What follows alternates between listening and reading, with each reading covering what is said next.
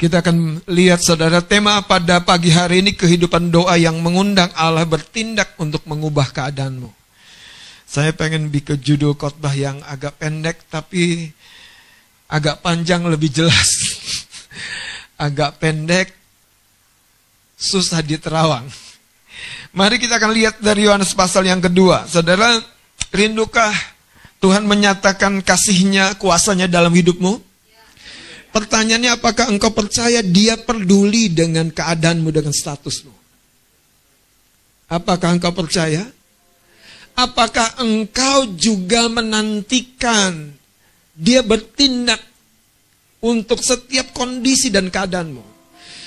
Ada cerita yang menarik di dalam perkawinan di kota Kana. Mari kita akan baca bergantian ya. Kita akan baca. Saya membaca ayat yang pertama, Bapak Saudara ayat yang kedua perkawinan di Kana. Pada hari ketiga ada perkawinan di Kana yang di Galilea dan Ibu Yesus ada di situ. Yohanes pasal 2.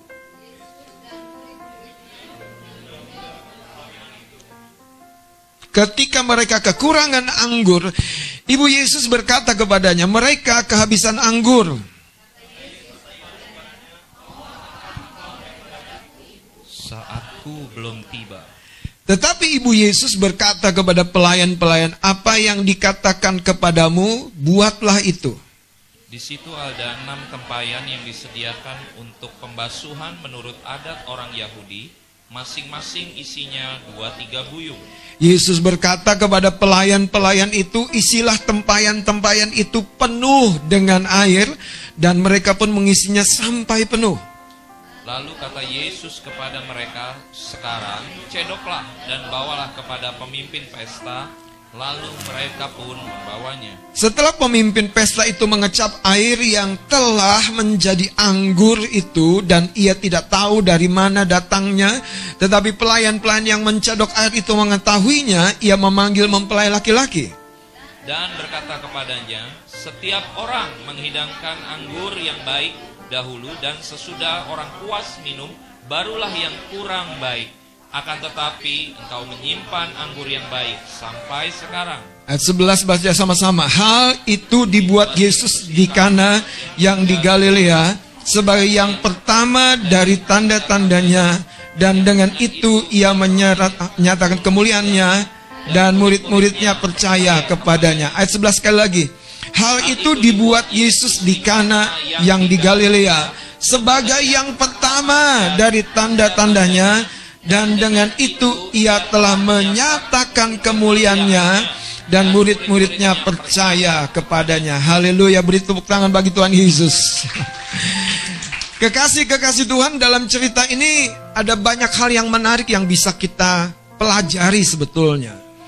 Waktu saya mendalami Yohanes pasal 2 cerita tentang perkawinan di kota Kana ini Tuhan makin membukakan bahwa dia sungguh pribadi yang sebetulnya sudah hadir dan mau hadir. Bahkan mau terlibat sampai kepada urusan dapur kehidupan kita. Betul? Urusan dapur kehidupan kita. Urusan yang di belakang saudara. Yang tidak tampak di luar karena kalau Anda baca, Ibu Yesus mengetahui bahwa mereka kehabisan anggur. Belum tentu tamu-tamu dan undangan-undangan yang lain, belum tentu. Dan ketika Ibu Yesus itu mengetahui, saudara harus lihat nanti bahwa apa yang dikatakan kepada Yesus itu bagian dari apa yang hari ini Tuhan mau sampaikan. Betapa seringnya doa itu hanya sebatas kata-kata desakan kepada Tuhan. Betapa seringnya doa bahkan sebetulnya mengekspresikan hanya ungkapan-ungkapan kesedihan, ketakutan dari hati yang kosong. Tapi waktu Ibu Yesus berkata, menyampaikan sebuah keadaan kepada Yesus, catat baik-baik, yang hadir di pesta itu yang hadir di pesta itu. Yesus saudara mendapat sebuah kesadaran bahwa ada sesuatu yang perlu dia lakukan. Sekalipun pada waktu itu dia berkata, mau apa ibu? Waktuku belum tiba. Waktuku belum tiba. Mengapa kehidupan doa penting? Saudara, doa itu bukan sekedar kata-kata yang kita ungkap atau obral di hadapan Tuhan. Bahkan Yesus sendiri mengkoreksi doa orang Farisi yang begitu panjang lebar, bahkan bertele-tele. Kata-kata doa. Karena di dalamnya tidak ada sebuah kehidupan. Tidak ada sebuah kehidupan. Saudara tungku perapian yang terbagus sekalipun tidak akan berguna kalau tungku perapian itu nggak ada apinya.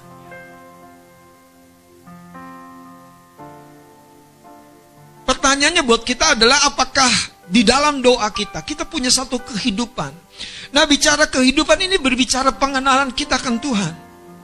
Kalau Anda datang ke seseorang, Anda menyampaikan proposal, permohonan, Segala tulisan di dalam proposal dan permohonan itu tentu didasari pengenalan kita kepada dia. Dia siapa? Seorang kepala apa? Dia berapa berapa tingginya, saudara? Seorang jenderal kah? Siapa, saudara? Dan itu membuat pendekatannya berbeda. Dan kedua, bukan hanya siapa yang kita akan dekati, siapa kita bagi dia. Ini bicara hubungan. Tepuk bawah kanan kirinya. Doa bicara hubungan. Ini sebabnya kalau kita belum, saudara, membangun sebuah keterhubungan yang lebih dalam dan lebih dalam, tidak heran. Ada ada kondisi tertentu doa kita seperti mentok, saudara, dan tidak mengalami sebuah perubahan. Tapi saya bersyukur bahwa di dalam cerita Yohanes pasal 2 ini justru Tuhan sedang menyampaikan sebuah pola yang kalau kita dalami Tuhan sudah berbicara dari awal sebelum segala sesuatunya terjadi. Tuhan sudah menyampaikan sebuah gambaran bagaimana kita harusnya gereja menghadapi situasi-situasi sulit dalam hidup kita menghadapi kebutuhan-kebutuhan dalam hidup kita. Bagaimana kita anak-anak Tuhan yang di dalam kehidupan kita Yesus hadir.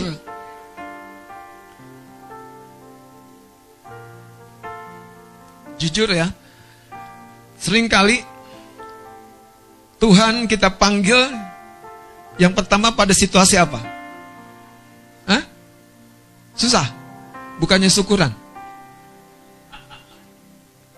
Tuhan terima kasih pagi ini kami udah bangun sehat. Kan dipanggil kan? Kalau lagi susah, Tuhan lebih kencang. Kalau diberkati Tuhan terima kasih. Tuhan terima kasih. Kau dahsyat luar biasa.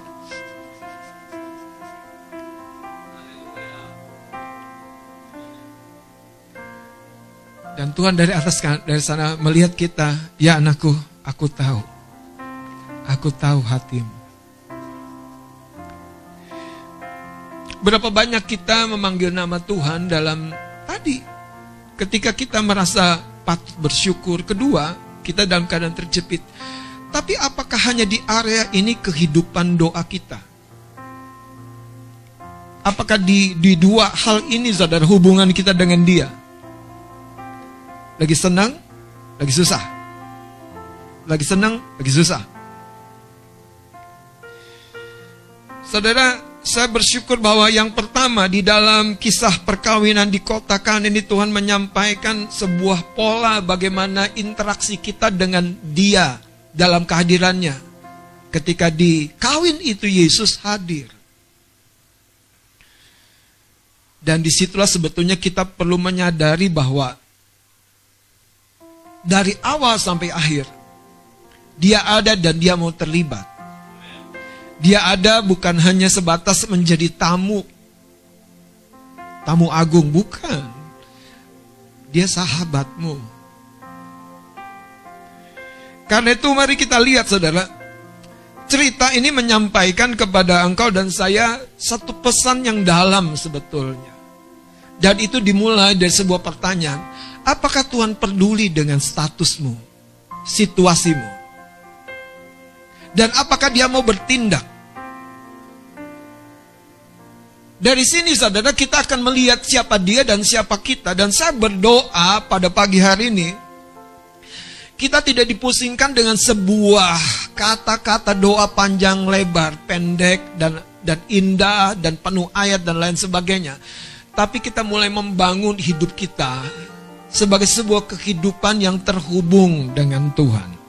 Perhatikan cerita ini saudara. Ayat yang pertama, pada hari ketiga ada perkawinan di Kana yang di Galilea. Dan ibu Yesus ada di situ, ibu Yesus ada di situ. Yesus dan murid-muridnya diundang juga ke perkawinan itu, diundang juga ke perkawinan itu. Nanti kita akan lihat saudara, banyak orang berusaha menghadapi hidupnya sendirian. Padahal dari konsep ini justru kita tahu, ketika engkau mengizinkan Tuhan, mengizinkan murid-murid, mengizinkan ibu Yesus, mengizinkan pemimpin pesta, hidupmu tuh jadi sebuah cerita yang lengkap tentang Tuhan hadir di kehidupanmu. Bukan tentang kegagalan kita. Bukan tentang kelemahan kita lagi. Lihat saudara dalam cerita ini.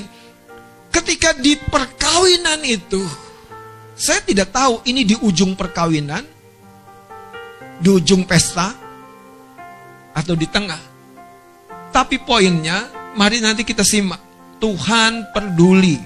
Tuhan mau bertindak tapi itu dimulai dari kehidupan doa seperti apa yang kita bangun di hadapannya. Ayat yang ketiga. Ketika mereka kekurangan anggur, Ibu Yesus berkata kepadanya, mereka kehabisan anggur. Saya pikir ini bukan sebuah ungkapan mendesak. Saya pikir ini sebuah sharing, saudara. Betul nggak? Sebuah sharing. Mereka kehabisan anggur. Anda pernah jumpa teman, dia nggak cerita kebutuhan, dia hanya sharing. Dia tidak minta sesuatu kepada kita, dia hanya berbagi cerita pergumulannya. Dia tidak berharap pertolongan Anda bahkan, dia hanya cerita. Tetapi bayangkan, karena sebuah persahabatan itu, cerita itu tidak mungkin lewat begitu saja. Engkau pasti melakukan sesuatu bagi dia. Pasti, saudara. Kenapa? Karena bukan kata-katanya, keterhubungannya yang menentukan.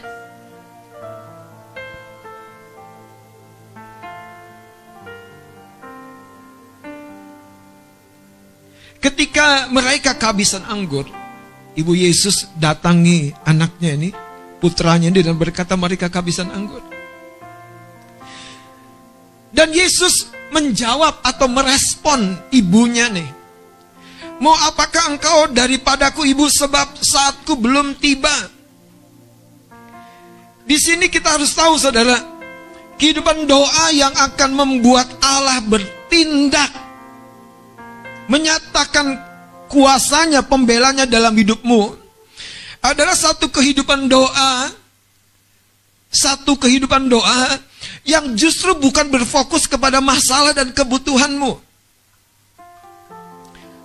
Itu ada, itu kita tidak tampik, tapi fokus jiwa kita, pikiran kita bukan kepada kebutuhan kita. Kenapa saya katakan begini? Karena Ibu Yesus berkata begini kepada para pelayan. Dia tidak menjawab Yesus lagi, tapi dia memberi sebuah clue atau kata kunci kepada para pelayan. Apa saja yang dia katakan, perbuat. Fokuslah kepada firman. Fokuslah kepada respon Tuhan bagi keadaan kita. Fokuslah kepada apa yang Tuhan sedang sampaikan melalui hamba Tuhan yang berbicara kepadamu. Melalui kakak rohani yang berbicara kepadamu. Melalui keadaan yang berbicara kepadamu. Bahkan melalui orang fasik yang dipakai untuk menyampaikan teguran, nasihat, koreksi buat hidup kita. Ketika kita fokus kepada firman itu yang adalah maksud hatinya, engkau tidak pernah, engkau tidak mungkin dan tidak pernah akan meleset mengalami Tuhan bertindak selanjutnya. Saudara, Tuhan tidak pernah menyampaikan firman-Nya dengan kosong. Itu sebabnya ketika Ibu Yesus tahu itu, dia sadar yang terpenting bukan masalahnya. Apakah ibunya ini yang punya hubungan dekat ini mendesak lagi anaknya? Tidak. Tapi om, Bahkan Tuhan Yesus mengajar kalau kita berdoa, berdoalah dengan tidak jemu-jemu. Tergantung. Yang Anda maknai tidak jemu-jemu, Anda ngotot, menyampaikan kata-kata yang itu-itu saja, tanpa berusaha memahami maksud hati dan keadaan hati Tuhanmu? Atau engkau seperti Yesus, tidak ada yang mustahil bagimu. Lalukan cawan ini. Tapi kehendakmu yang jadi. Kan enak. Kehendakmu yang jadi. Bukan kehendak kita. Hari ini apakah engkau fokus kepada keadaanmu? Situasimu. Saudara begini. Kita harus melihat situasi apa pun yang terjadi itu hanya sebuah jembatan atau batu pijakan untuk kita naik Bahkan bersyukurlah dalam keadaan kekuranganmu. Karena engkau justru akan mengalami kelimpahan dari Tuhan. Katakan amin. Bersyukurlah untuk keadaan mentokmu. Gak ada jalan. Gak ada koneksi, gak ada hubungan, gak ada peluang. Gak ada, gak ada, gak ada penerimaan lamaran pekerjaan lagi. Karena dari Tuhanlah datang peluang kerjamu itu. Dari Tuhanlah datang peninggian itu. Dari Tuhan. Amin. Karena itu jangan fokus hanya sebatas kepada kebutuhanmu. Kebutuhanmu, masalahmu, kecewamu, marahmu, sakit hatimu. Itu bukan yang terpenting. Katakan amin. Begini saudara, itu bukan yang terpenting. saudara tahu, ketika engkau belajar seperti ini, Sudut pandangmu tuh mulai akan benar. Sudut pandangmu tidak lagi selfish mengasihani dirimu sendiri. Engkau akan bandingkan dirimu dengan orang lain. Itu selfish yang paling nyata. Yang lain udah begini Tuhan, aku masih begini banget Tuhan. Yang lain udah terbang Tuhan, yang aku masih merangkak, bahkan tiarap Tuhan. Saudara jangan fokus kepada keadaanmu, katakan amin. Katakan sama-sama, aku tidak akan fokus kepada keadaanku sendiri. Sebaliknya, aku akan fokus kepada respon Tuhan.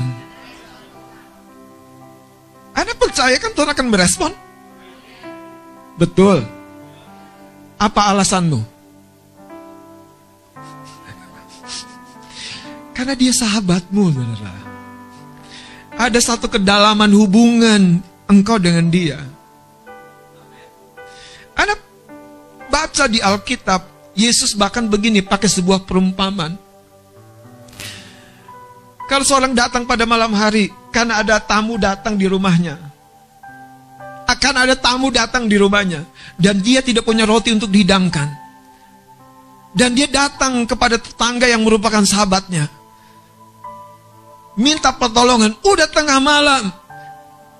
Alkitab mencatat sekalipun dia sudah berpakaian tidur dan sudah males keluar lagi buka pintu, tetapi karena yang ketok pintu itu sahabatnya, dia akan bukakan dan memberikan juga. Kehidupan doa itu sebetulnya kehidupan persahabatan dengan Allah. Bukan ngotot si ngotot. Otot-ototan. Siapa yang lebih kencang suaranya menang. Enggak, saudara. Coba Bapak Ibu yang suami istri. Berapa seringnya kita otot-ototan. Yang ini pak, enggak mah. Yang ini pak, enggak mah. Anak dibilang, cing. kita ibadah dulu pak mah. Nanti sore lanjutkan.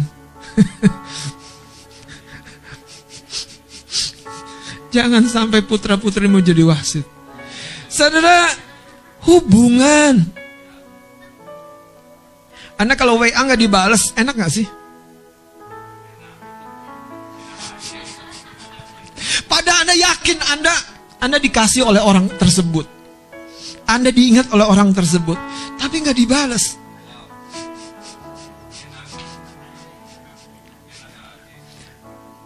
Anda ulang tahun nih, Anda punya sahabat. Anda ulang tahun, Anda punya sahabat, Anda nggak diingat. Sayangnya, gini saudara dengerin saya. Kalau orang Kristen yang childish, dia akan mulai mengasumsikan negatif keadaan-keadaan itu. Justru kalau engkau bertumbuh, engkau yang harus jadi sahabat yang duluan proaktif, yang menunjukkan sikap positif, bukan yang baper, baper, baper, baper. Nah, kehidupan doa yang baper sama Tuhan nggak mungkin tembus, saudara. Saya mau kasih tahu, nggak bisa, nggak bisa. Saudara ada satu cerita yang menarik dalam cerita Yosafat ketika dia sedang bergumul dalam 2 Taurik pasal 20 ayat 12. Anda baca dari ayat yang pertama itu dicatat Yosafat sebagai raja sangat kejepit karena dia pemimpin harus memimpin eh, seluruh rakyat dan negerinya pada waktu keadaan sedang terancam. Bukan terancam satu negara, satu pasukan, terancam bala tentara yang besar dan mereka datang ke bait Allah. Mereka tidak mencari pertolongan ke bangsa yang lain. Saudara keadaan terjepit selalu ada makna yang sangat besar dalam hidupmu. Karena waktu engkau terjepit, imanmu justru akan melejit. Masalahnya, engkau harus sadari, engkau orang yang terhubung dengan Tuhan. Bukan karena waktu syukuran, bukan karena waktu pergumulan. Bukan hanya itu. Engkau terhubung pada tiap-tiap waktu ketika engkau menyembah dia. Saudara saya pikir mungkin kita berpikir selama kehidupan doa hanya ketika kita masuk ruang doa kamar doa itu kehidupan doa. Kehidupan doa adalah kehidupan penyembahanmu. Kehidupan doa adalah interaksi dan responmu ketika engkau menghadapi sesuatu. Kehidupan doa itu hubungan hubungan kita dengan Tuhan sehari-hari. Bukan hanya di kamar doa, bukan hanya di gereja. Lagi ditipu, lagi bermasalah, lagi jatuh justru Engkau akan berkata gini, Tuhan, aku justru akan makin mencari engkau, mencintai engkau. Engkau tidak pernah salah dan tidak mungkin salah. Kalau engkau bertumbuh, tidak lagi fokus kepada masalahmu, di situ Tuhan akan menyatakan bahwa dia yang hadir, dia yang peduli dalam hidupmu. Katakan amin. Tepuk bawah kanan kirimu, katakan dia yang hadir, dia yang peduli, saudara. Lihat pada ayat yang ke-12. 2 Tarik 20 ayat 12. Alkitab mencatat begini. Ya Allah kami, tidakkah engkau akan menghukum mereka? Apakah maksa? Yosafat hanya mengajukan sikonnya nih, situasinya kami terjepit dan kami tidak punya kekuatan. Saudara tercepit, terhimpit, tidak ada kekuatan, tidak ada modal, tidak ada peluang. Bukan jalan akhir bahkan jalan buntu buat kemajuanmu, buat kehidupanmu. Kembali lagi kepada bagaimana engkau melakukan pendekatan kepada Tuhan. Yosafat berkata begini, karena kami tidak mempunyai kekuatan untuk menghadapi laskar yang besar ini yang datang menyerang kami. Kami tidak tahu apa yang harus kami lakukan. Dikatakan tetapi mata kami tertuju tetapi mata kami, tetapi mata kami tertuju kepadamu. Yosafat itu seperti Abraham. Dia percaya penuh. Percaya penuh. Tidak lagi ada sebuah negatif thinking dalam pikirannya. Ya kami kejepit, ya kami dikasih Tuhan. Jangan bilang gini, tapi keadaan kami nggak bilang begitu saudara.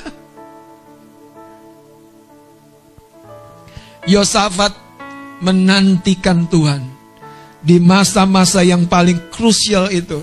Dia harus bikin keputusan. Tapi dia cuma bilang begini, ayo semua datang ke bait Allah.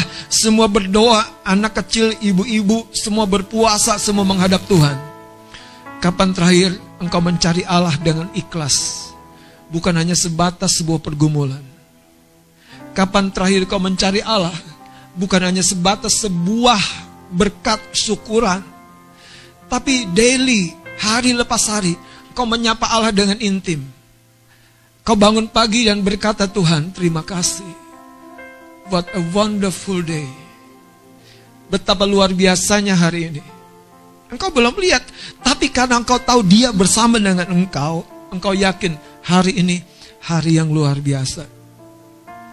Yang pertama saudara kehidupan doa yang bagaimana yang membuat Allah hadir dan mengubah keadaanmu adalah kehidupan doa yang tidak terfokus atau terpaku dengan keadaanmu.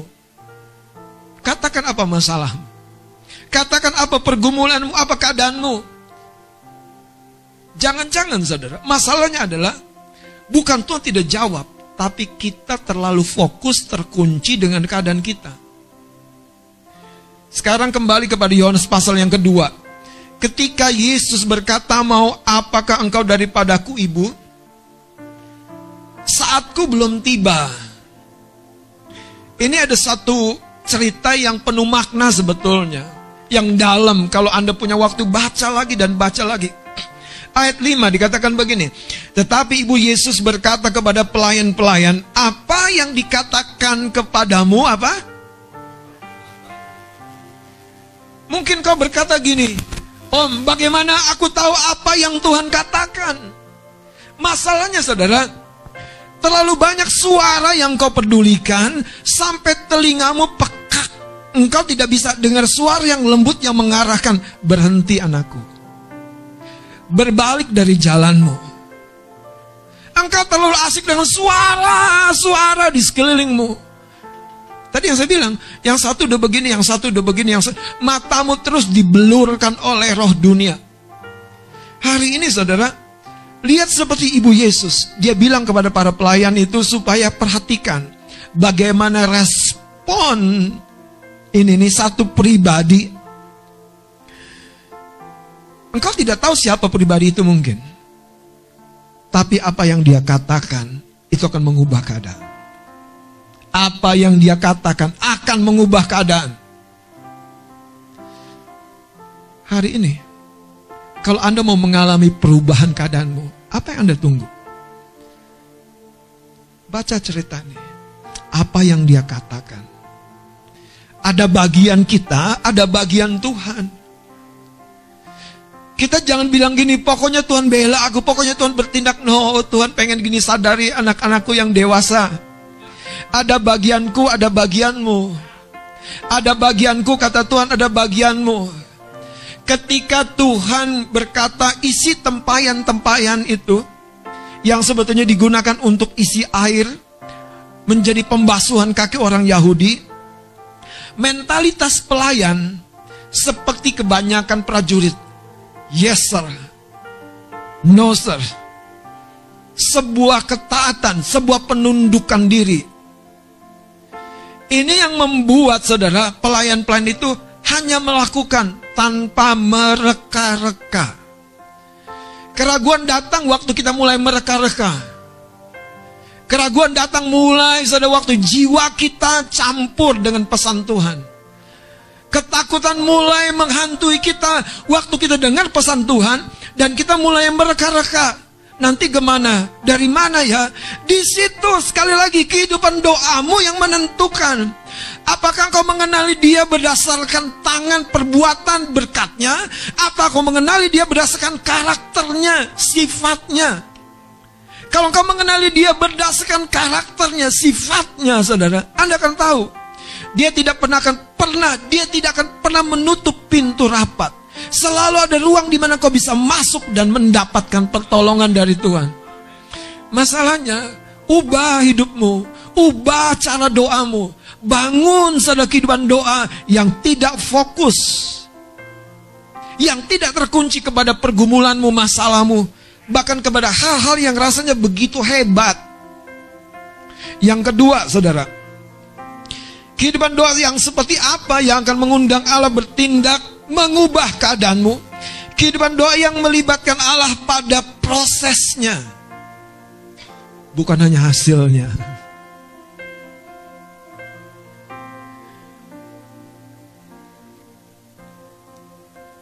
Dalam dua raja-raja pasal yang keempat, ada janda atau ibu dari seorang nabi yang suaminya meninggal, didatangi penagih hutang dan tidak ada daya untuk membayar kembali hutang itu. Dan penagih hutang sudah datang untuk mengambil saudara anaknya. Dan ibu ini datang kepada nabi Tuhan. Dan ketika dia datang kepada nabi Tuhan apa yang dia lakukan? Ingat? Apa yang dia lakukan? Dia menyampaikan sebuah cerita. Hambamu, suamiku.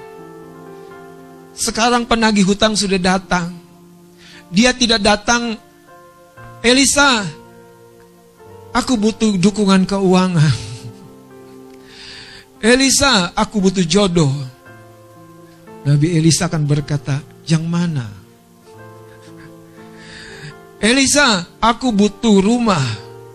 Aku butuh tempat tinggal. Anda harus bijak seperti Ibu Yesus. Mereka kehabisan anggur. Ibu Yesus tidak mendesak judge fellowship. Hanya berfellowship dengan anaknya yang datang sama-sama dan cerita. Anda enak gak sih? Waktu Anda ngobrol gitu, Anda lihat ya prosesnya ya. Yesus tidak langsung bertindak, tetapi dia bilang belum waktunya. Dan ketika tiba waktunya dia bilang, isi penuh. Inilah proses yang tidak boleh kita singkirkan dari kehidupan doa yang mau mengalami, mengalami, mengalami Allah terlibat dalam kehidupanmu. Saudara, sayangnya yang namanya proses ini yang orang tuh tidak suka. Tidak suka, tidak suka. Mau fit, mau sehat. Prosesnya Haleluya. Mau jadi seorang yang pintar memainkan musik. Prosesnya? Saudara mau jadi perenang, prosesnya nggak mau basah. Alkitab mencatat waktu Yesus memerintahkan pelayan-pelayan itu mengisi penuh dan dia mengisi penuh dan kemudian mencedok air yang di dalam tempayan. Tidak ada yang tahu air itu sudah berubah. Sampai ketika pemimpin pesta itu mengecap. Yang saya mau ceritakan adalah begini saudara. Di sinilah ketika kita berdoa. Ketika kita mempercayakan masalah kita, hidup kita, pergumulan kita ada satu tahap di mana dia sedang bekerja dengan situasi di sekeliling hidupmu. Dia sedang bekerja dan itu tidak mungkin tidak pasti menyentuh dirimu untuk bergerak, untuk bereaksi, untuk menanggapi. Saya bersyukur pelayan-pelayan ini sudah dibisiki Ibu Yesus. Lakukan saja, tidak usah tanya-tanya, percaya saja. Ketika pelayan itu melakukannya dan membawa air dan pemimpin pesta mengecap sudah terjadi mujizat. Mujizat terjadi ketika engkau melakukan bagianmu. Hari ini ambil waktu saudara untuk berubah dalam mentalitas cara pandang.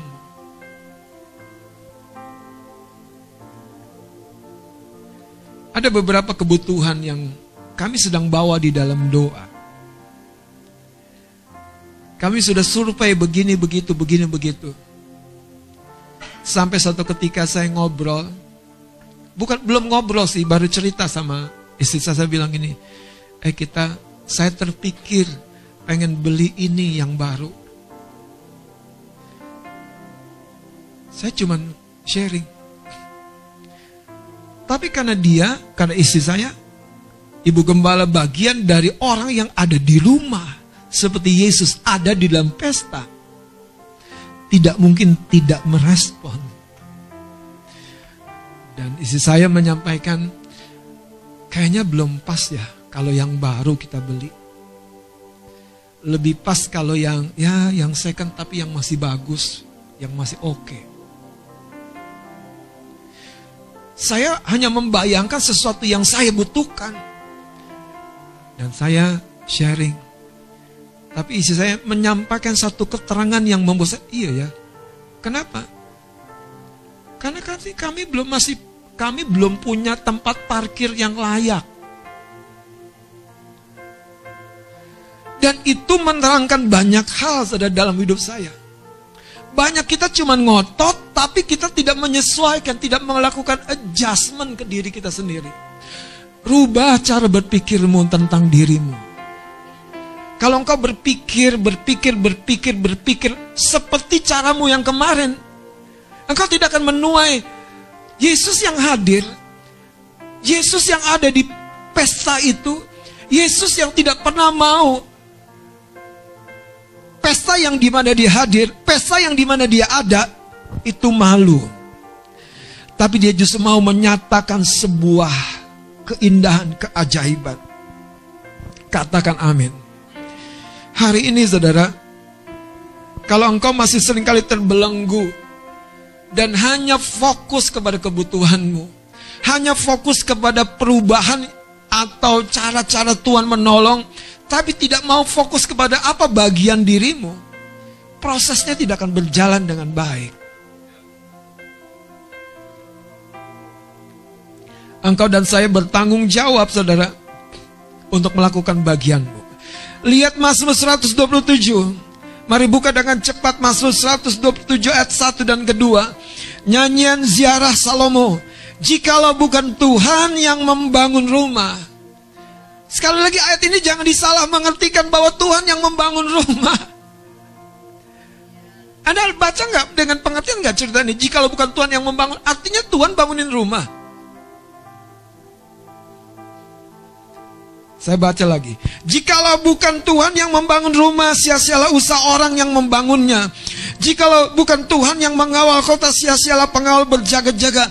Artinya saudara, jikalau Tuhan tidak terlibat, jikalau Tuhan tidak terlibat memberkati upaya pembangunan rumah, upaya pencapaian mimpi kita, maka pencapaian mimpi kita bukan tidak terjadi, tetapi bernilai sia-sia.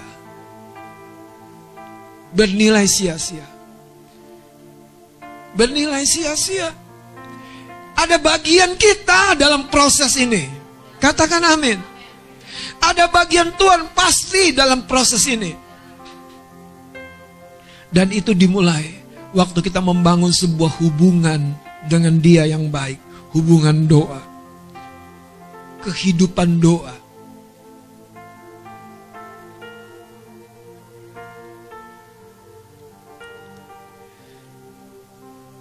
Di dalam cerita ini, saudara, ada satu akhir yang mungkin banyak orang mengabaikan karena sebetulnya cerita ini harus dipahami awal, tengah dan akhir. Tapi sangat indah kalau engkau pahami dari akhir supaya engkau tahu akhir cerita hidupmu bahagia. Akhir cerita hidupmu dijamin Tuhan.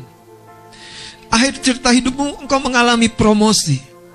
Akhir cerita hidupmu selalu happy ending kalau Yesus ada dan engkau membangun sebuah kehidupan doa di mana dia mau terlibat. Kembali Yohanes pasal yang kedua, lihat ayat ini saudara.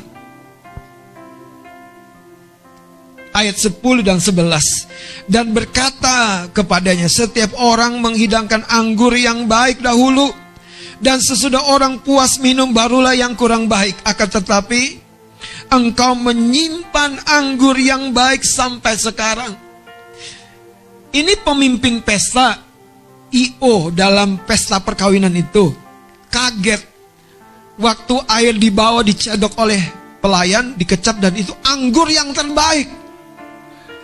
Kaget, makanya dia datangi mempelai. Anda tahu dalam cerita ini mempelai pria itu gambaran Kristus. Gambaran Kristus. Dan mempelai wanita adalah engkau dan saya gerejanya. Tuhan ingin kita lihat bahwa apa pun masalah, justru biarlah mendatangkan kemuliaan bagi mempelai pria yang adalah Kristus sendiri. Ayat yang ke-11. Hal itu dibuat Yesus di Kana yang di Galilea sebagai yang pertama dari tanda-tandanya dan dengan itu ia telah menyatakan, dia telah menyatakan kemuliaannya dan murid-muridnya percaya kepadanya. Saudara, Tuhan belum berhenti. Bahkan tidak mungkin terhentikan dengan situasi apa pun yang hari ini kau sedang hadapi. Masalahnya, apakah engkau yang sudah mengalami Kristus, mengalami Yesus hadir dalam hidupmu? Engkau hanya sebatas menerima kehadiran dia sebagai tamu biasa.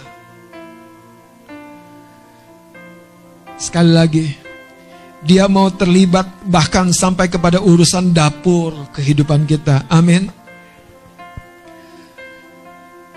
Sebagai bagian dari penutup. Bagaimana Anda men-setting goal kehidupanmu?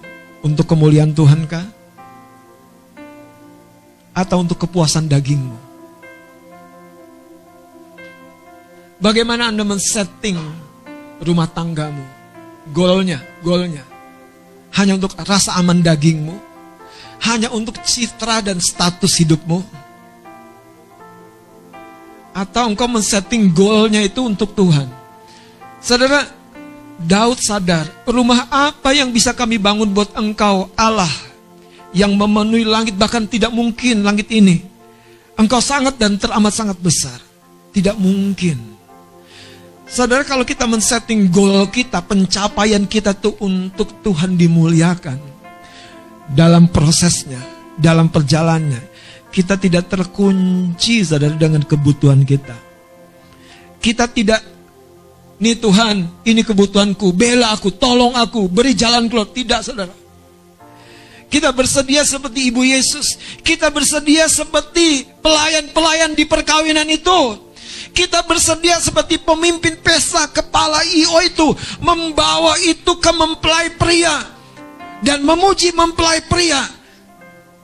Yang paling penting, Tuhan ingin dia kembali di center hidupmu. Dia kembali dimuliakan. Bukan karena kau mampu, bukan karena kau bisa, bahkan di tengah keterpurukan kehidupanmu. Dia selalu ingin dimuliakan. Karena dia maha segalanya. Dialah Allah El Sadai Jehovah Jireh yang mengadakan bagi Abraham satu anak kambing domba menjadi korban pengganti Ishak. Setiap orang yang percaya kepada Allahnya Abraham, dia akan mengalami penyediaan. Setiap orang yang percaya kepada Allahnya Lazarus, dia akan mengalami kebangkitan. Maria dan Mata melihat saudaranya bangkit dari kubur bangkit dari kubur. Bahkan sudah empat hari dalam kubur. Apakah masalah kita terlalu besar? Seringkali masalahnya, yang sejatinya masalahnya adalah kita membiarkan diri kita tertimbun dengan semua yang kita pikir begitu penting. Sampai kita tidak tahu Yesus ada di pesta kawin. Sadari bahwa Yesus ada dalam hidupmu. Dan dia menanti engkau jadi seperti ibu Yesus. Tuhan, aku pengen anakku lanjut sekolah Tuhan. Cerita saja. Apakah dia tidak ada dan tidak dengar? Tidak mungkin, saudara. Wong bukan keras kencangnya suara kita dia dengar betul? Betul? Tuhan, aku nih butuh sesuatu yang baru, yang ini Tuhan, gimana ya? Dan dia akan ngomong, dia akan jelasin. Dan dengan cara itu, hidupmu, hidupmu, hidupmu. Bukan karena engkau punya, bukan karena kau mampu, bukan karena kau bisa. Hidupmu akan selalu mengalami keajaiban. Hidupmu akan selalu progres. Hidupmu akan selalu progres. Mari kita bangkit berdiri.